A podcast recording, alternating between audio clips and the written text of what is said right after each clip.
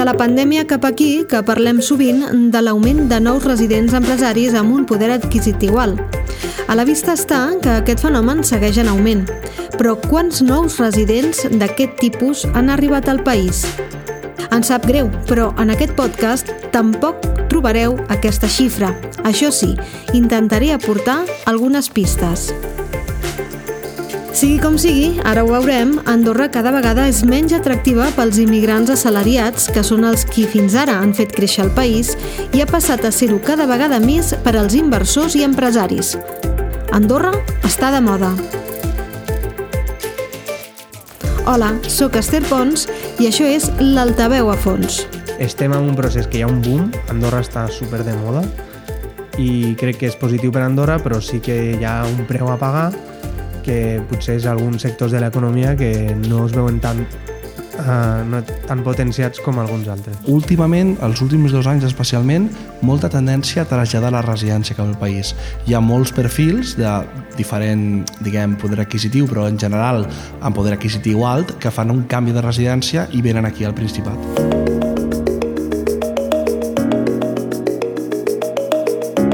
Són Marc de Diego i Marc Urgell, dos professionals de dos despatxos diferents que s'han especialitzat a tramitar residències passives i d'empresaris i emprenedors que volen obrir negocis al Principat. També d'esportistes d'elit. Són ells els que ens han facilitat algunes dades que ens posen sobre la pista de quanta gent, quants empresaris s'han instal·lat al país aquests darrers anys. Jo sóc una empresa petita, crec, i aquest any, fins ara, hem rebut demandes, unes quasi 600. Uh, D'aquests, més o menys convertim un 10%. O sigui, ara devem portar, sí, més o menys unes 55 55 projectes. Nosaltres tractem aproximadament uns 30 casos mensuals, és a dir, anem unes 360 persones aproximadament i acabem convertint un terç, és a dir, l'any passat van fer 150-160 persones famílies que van venir al Principat a residir. Marc de Diego, ja ho hem sentit, es considera un empresari petit. En canvi, Marc Urgell representa una de les grans empreses. D'empreses especialitzades n'hi ha una quinzena al país, a les quals s'hi han d'afegir advocats, gestories i assessors fiscals que també s'hi dediquen. En tot cas, si fem una mitjana entre els 50 projectes anuals d'una empresa petita i els 150 d'una empresa gran, en surt uns 100 clients per empresa i si els multipliquem per les 15 empreses que hi ha, grosso modo, deduïm que amb 1.500 clients d'un cert poder adquisitiu han tancat la seva residència al país l'últim any. I quin tipus de residència es pot tramitar ara al país més enllà de la passiva i la que implica tenir un contracte de treball? Ens ho explica Marc de Diego. La residència passiva és via, té diverses modalitats. Una és via inversió, la que tots, tothom coneix, diguem, al carrer. Llavors, després hi ha l'activa, que li diem activa, que és la resident per compte propi, que aquesta s'hi ve per la creació primer d'una societat, Andorra, la societat ha de tenir un comerç, han de tenir un cert percentatge de participacions, han de ser membres de l'òrgan d'administració i han de fer també dipòsit, un, eh, efectiu un dipòsit a l'AFA. Ara mateix són 15.000 i ho volen, s'ha comentat, de pujar-ho a 50.000. Aquest és el que ens demanen més, perquè eh, entres al sistema de la CAS, cotitzes com a compte propi, eh, la, diguem que a nivell de cobertures socials et permet portar tota la família, posar-nos al col·le d'una manera més àgil o més, més pràctica, entres, diguem, dins del sistema i la societat andorrana. Comparar les xifres arrodonides que hem calculat a partir del que abans ens han explicat els professionals que treballen en aquest sector amb les dades oficials és molt complicat. Trobem estadístiques migratòries, estadístiques sobre tipus de residències, estadístiques sobre autoritzacions de treball, però cap ens diu clarament quants permisos de cada una de les tipologies de residència que existeix s'han autoritzat des de principi d'any. Si algú vol intentar treure'n l'entrellat, el convido que ho intenti a la pàgina web estadística.d. Per la meva banda, les dades més rellevants que he aconseguit trobar és que en data de juny d'aquest any hi havia al país 3.366 residents passius en total. I pel que fa a les residències per treball a compte propi, el 2021 el saldo migratori en aquest concepte, és a dir, entre gent que va venir i va marxar, era de 443 però en aquest cas no sabem el total de persones que hi ha establertes al país i que han arribat per aquesta via. Mirant les xifres sense més ni més, se'ns fa difícil dir si és cert o no que Andorra està de moda. En canvi, així ho asseguren els professionals que hi treballen. Si ho donem per bo, on recau l'atractiu d'Andorra? El, el principal motiu és la fiscalitat. La, llavors la gent eh, busca alternatives, està començant a pagar molts impostos. O ja els està pagant i buscar alternatives a Europa. Doncs dins d'aquestes alternatives a Europa o inclús no només a Europa eh, hi ha Andorra. I el segon punt és la seguretat i la qualitat de vida. Això ens ho estem trobant cada vegada més. Home, fiscalment és molt més atractiu Emirats Àrabs, és molt més atractiu, o Portugal, en molts casos, i la gent, en canvi, decideix venir a Andorra. Per tant, la fiscalitat és un motiu, però no, és el, no, no, no té per què ser el principal. Andorra té, jo crec que dos factors importantíssims. Un és la seguretat i, i d'alguna forma la, la tranquil·litat que li dona la família per poder desenvolupar el seu projecte, que això és una cosa que altres països no, no ho faciliten, i evidentment la cultura que és molt propera sobretot a les jurisdiccions veïnes. I eh, per altra banda també el que, el que tenim és la proximitat. És a dir, al final no és el mateix estar a l'altra punta del món que per veure la teva família has d'agafar un vol que estar a 3 hores en cotxe no? quan parlem de, de perfils de clients que venen de, de prop. També tenim clients que venen de Noruega, dels Estats Units i del Canadà, o sigui, també en tenim. Però la gran majoria, el 60-70% és Espanya-França així que Emirats Àrabs i Portugal poden ser altres destins del capital, però no són els únics. Quins altres països poden ser competència d'Andorra? Pel que fa al tipus impositiu i a la qualitat de vida, eh, competiríem amb Suïssa i Mònaco. Pel que fa a la facilitat d'establir una empresa i tot això, eh, Malta i Xipre i Estònia.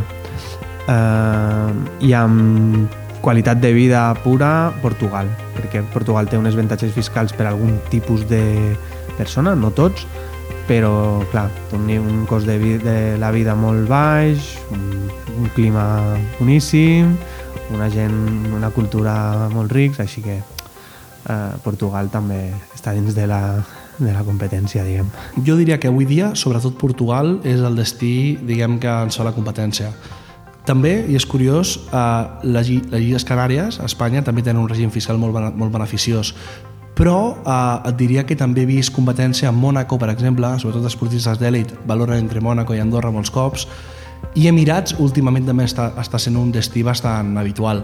Portugal i Illes Canàries. Així doncs, la competència per atreure inversió estrangera o residències fiscals està dins mateix de la Unió Europea. La qüestió és que l'arribada de nous residents amb un poder adquisitiu més o menys alt, sumada a una inflació galopant, està agreujant un problema que ja fa temps que afecta el país, la manca d'habitatge a un preu assequible. Per frenar una mica la demanda d'habitatge, els grups de la majoria volen endurir les condicions per instal·lar-se al país. Per fer-ho, han presentat esmenes al projecte de llei d'economia digital que a la vegada modifiquen la llei d'immigració. Tot plegat és força feixuc i li hem demanat al conseller del grup independent de la majoria, Marc Magallón, que ens expliqui què pretenen aconseguir i com. Eh, efectivament, hi ha tot un seguit d'esmenes eh, que afecten la llei d'immigració eh, amb aquesta llei d'economia digital i eh, precisament el, el que hem volgut a través d'aquestes esmenes és vist que des de l'any 2020 han vist eh, arreu de, de la pandèmia doncs, que hi ha hagut moltíssim interès eh, en vindre aquí a Andorra per part de, de molts ciutadans estrangers doncs eh, creiem que ara és el moment i també hem, eh, afegit amb la problemàtica de l'habitatge que ara mateix doncs creiem que és el moment de endurir una mica la, facilitat a, a poder venir és a dir, potser fer eh, un cribatge més important a l'inici i bé, n'estem discutint. De totes formes, aquesta llei eh, hauria de passar pel ple a finals del mes de novembre i encara està en plena discussió. Vull dir que és un debat encara viu eh, i realment molt intens per part de tots els grups, de, tant de la majoria com de l'oposició. La, la vostra posició inicial, diguéssim, a l'hora de presentar les esmenes, era passar dels 15.000 euros de dipòsit eh, pels autònoms que es volien establir al país als 50.000 i pel que fa a les residències passives de 400.000 a 600.000. Bueno, no sé exactament on es troba el debat, però pel que fa al primer d'autònoms o empresaris que es volen establir, eh, no sé si la discussió està en, en la tipologia d'autònom, no? perquè suposo que no és el mateix una empresa que, un, que una persona, un emprenedor que, que ve a obrir un negoci i encara no, no té la carrera feta. No sé, no sé si és aquest el, el punt de discussió. Pel que fa a la tipologia d'empresa o de negoci que vinguin aquí, doncs poder, eh, a nivell d'inversió estrangera, eh, hem de tenir clar quin tipus de negoci volem, eh, volem diversificar la nostra economia. Eh, llavors, una mica la discussió es tracta aquí, és a dir, hi ha algun tipus de negoci en el qual no se li ha de donar cap tipus de facilitat perquè ja tenim aquests negocis i doncs no ens convé eh, com a diversificació de l'economia i altres negocis o startups eh, a nivell tecnològic o a nivell digital doncs, que ens poden aportar un plus per a aquesta diversificació econòmica i aquests són els que hem de trobar l'encaix per donar-los més facilitats perquè es puguin establir. Aquestes mesures, en cas d'aprovar-se, frenaran l'arribada d'aquests nous residents? Aquesta és l'opinió de Marc Urgell i Marc de Diego. Ara passar de 15 a 50, especialment, els perfils d'emprenedors més petits, que poden ser potencialment grans empreses, no vindran, però no vindran perquè els 50.000 euros els necessiten per invertir en el seu projecte, per contractar gent, per crear valor, no volen deixar un dipòsit de 50.000 euros que no els hi dona cap rendiment i a més a més amb la inflació que hi ha actualment eh, quan el recuperin, si algun dia el recuperen el valor d'aquests 50.000 euros serà molt inferior llavors jo per mi és una mesura que no és, no és correcta sota el meu punt de vista des del punt de vista polític però sí que és cert que frenarà almenys els perfils més baixos per, per arribar a residir a Andorra. Respecte a la residència passiva, pujar-ho de 400 a 600, per mi no hi ha cap impacte, perquè qui ve amb 400 pot posar 600, 800 o un milió i mig. No hi ha cap, no hi ha cap impacte. Però sí que pels emprenedors, empresaris, que per cert són els que creen valor, creen llocs de treball i poden donar una mica de joc a l'economia, per aquest sí que pot ser un problema. El govern vol posar barreres, encara que no crec que siguin mm, suficients ni, ni que serveixin d'alguna cosa, perquè la persona que ve el, el tema és que el diferencial, el diferencial fiscal és tant que passar de 15 a 50.000 eh, són 35.000 euros. 35.000 euros amb impostos se'ls estalviaran en 6 mesos vivint aquí. Llavors no crec que sigui una barrera molt gran per la, frenar la inversió estrangera. El fet és que, independentment de si pugen o no la quantitat que cal deixar en dipòsit, Arribar a Andorra no és tan senzill. Justament per això és gairebé impossible fer tots els tràmits sense contractar els serveis d'un gestor que t'ho faci. El cas d'un resident per compte propi doncs passa per engegar tot un procés administratiu llarg, d'entre dos, tres mesos, si tot va rodat, si troba un habitatge, si l'administració, eh, doncs el tràmit te l'agafen i no te'l retornen per algun motiu, Uh, doncs si tot va rodat, també hi ha el tema de l'entitat bancària, que t'ha d'acabar d'obrir un compte, doncs entre dos o tres mesos mínim. Llavors, uh, l'altre dia vaig, vaig comptar i sense comptar petites, petites coses, vaig comptar més de 100 tasques que s'han de fer des de que es signa el contracte i, fa, i comences a aplicar pel NIA, que és un, el, per, un número, el número d'identificació administrativa, fins a que tens a la residència, hi ha més de 100 tasques que s'han de fer, de les quals moltes són, no són de 10 minuts, saps? Són... i 25 desplaçaments a l'administració o a les entitats bancàries o al notari. O sigui, realment és una feina molt feixuga. Aquesta és la part que, que el client veu menys que costa molt de traslladar, però que acaba sent complicada i, i per això, en general, els honoraris són elevats en comparació als països veïns, problema realment, et diria, l'habitatge, i és una cosa bastant recent, i potser també la lentitud administrativa. És a dir, al final eh, no és el mateix eh, tramitar 100 sol·licituds que 3.000 sol·licituds.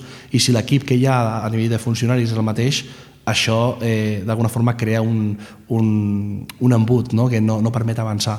I per això precisament també s'està modificant actualment o està en parlamentari la nova llei d'inversió estrangera. Tot això que detallen el Marc de Diego i el Marc Urgell és precisament el que va viure en primera persona la Irene Fernández, que fa poc més d'un any va arribar a Andorra amb la seva família per ubicar aquí els seus negocis. He quedat amb ella just abans de passar a buscar els nens a l'escola. La paperassa i el preu de l'habitatge són qüestions que també l'han sorprès. Nosaltres a casa tenim una broma, que és que primer ja hem perdut el número de tràpings que hem fet quan ens pensem que és l'últim, ja no dient que és l'últim, sinó que diem hem fet el penúltim, sempre és el penúltim, no sé si això deixarà de ser així o no. Jo, en el meu cas concret, vaig venir aquí al setembre, la reagrupació familiar ens la van concedir a finals de gener, crec, i la homologació de títols, obertura de comerç, bla, bla, bla, bla, això em va arribar fins a l'abril. És a dir, jo vaig arribar aquí al setembre i fins a l'abril no podia fer feina Mm, perquè no tenia els papers. Aleshores, això és una cosa que no sabíem. No és només el venir a Andorra i esperar, sinó el temps d'espera, que, per exemple, parlant de feina, no comptes que durant aquells mesos no ingresses, perquè ni estàs a baix ni estàs aquí. El dia que vam venir i havíem de començar a mirar, teníem concertades prèviament, no sé si sis o set cases doncs, d'aquelles 6 o 7 que tenies, teníem concertades, quan vam arribar només n'hi havia 3. És a dir, allò és el que hi havia. És cert que el preu del lloguer és una autèntica barbaritat, una bogeria. No tothom pot tenir la sort de poder-s'ho permetre. Jo em sento super afortunada de poder pagar el lloguer d'aquí, tot i que també és veritat que ara que ha fet un any que estem allà i comencem a mirar a veure si trobem és impossible, és a dir, on te'n vas a una casa... bueno, nosaltres, personalment, jo no vull pagar 6.000 euros de lloguer per viure, o sigui, ho trobo una autèntica borrada. Això són coses que poder, quan estàs planificant venir, no saps i te les trobes aquí. I hi han hagut moments d'orillos, no ens enganyarem. S'han de convalidar moltíssimes coses. Per l'altra banda, la qualitat de vida segura que ho compensa. Bueno, són aquestes petites coses que que dius, ah, Andorra, molt bé el clima fiscal. Un moment. Ara mateix jo només pel clima fiscal no vendria.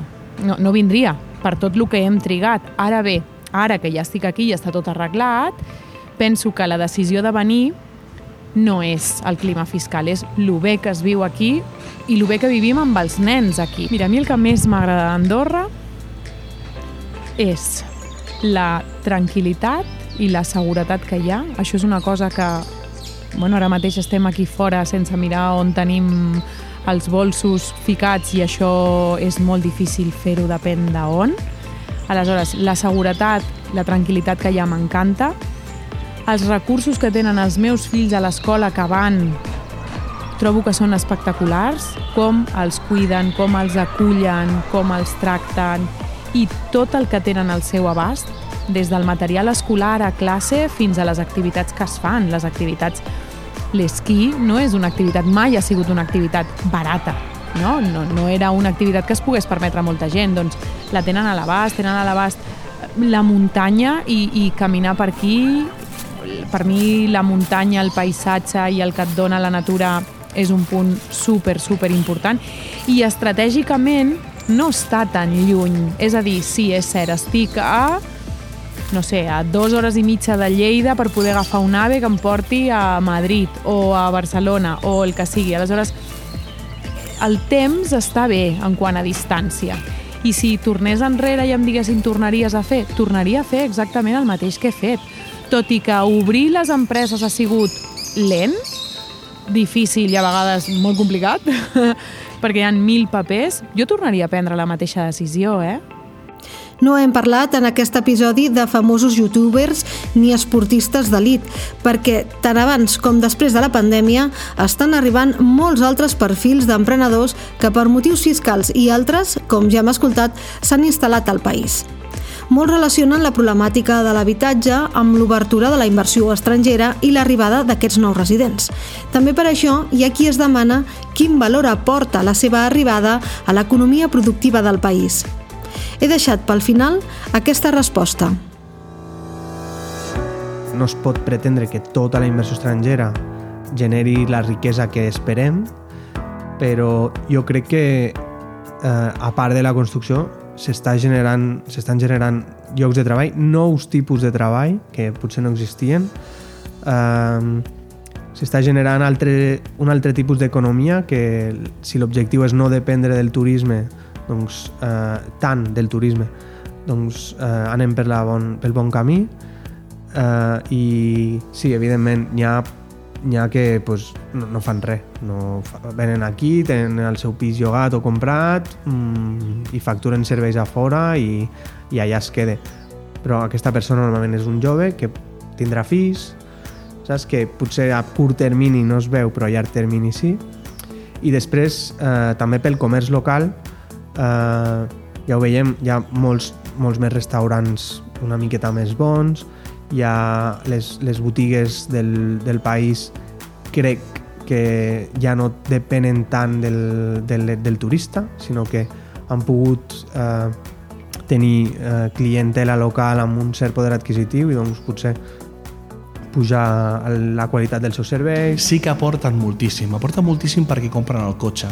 I hi ha un senyor d'aquí d'Andorra que li ven el cotxe perquè fan la compra al supermercat, perquè demanen per aplicacions mòbil el menjar a casa, perquè contracten serveis d'advocats, comptables i professionals. És a dir, al final són perfils que fan moltes coses i tot això genera una demanda agregada en diferents sectors de l'economia que això, vulguis que no, impulsa l'economia del país. Hi ha inversió estrangera que és improductiva? Sí, arriben perfils improductius. Un perfil que té 10 milions d'euros en criptomonedes, que ve aquí a Andorra només per pagar pocs impostos i no surt de casa, aquest perfil no aporta gaire, però jo diria que la gran majoria són perfils que aporten coses i, i el que jo puc veure és que, almenys sota el meu punt de vista, el que jo toco, el 80-90% és economia productiva, que creen llocs de treball, que contracten a persones, que compren, que, no sé, que generen activitat econòmica.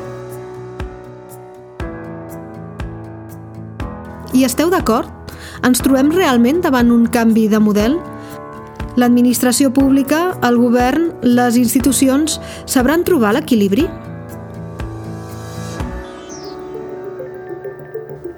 Això ha estat l'Altaveu a fons. La realització d'aquest episodi ha anat a càrrec de qui us parla, Esther Pons. Espero que us hagi agradat. El pròxim dimecres tornem amb més històries.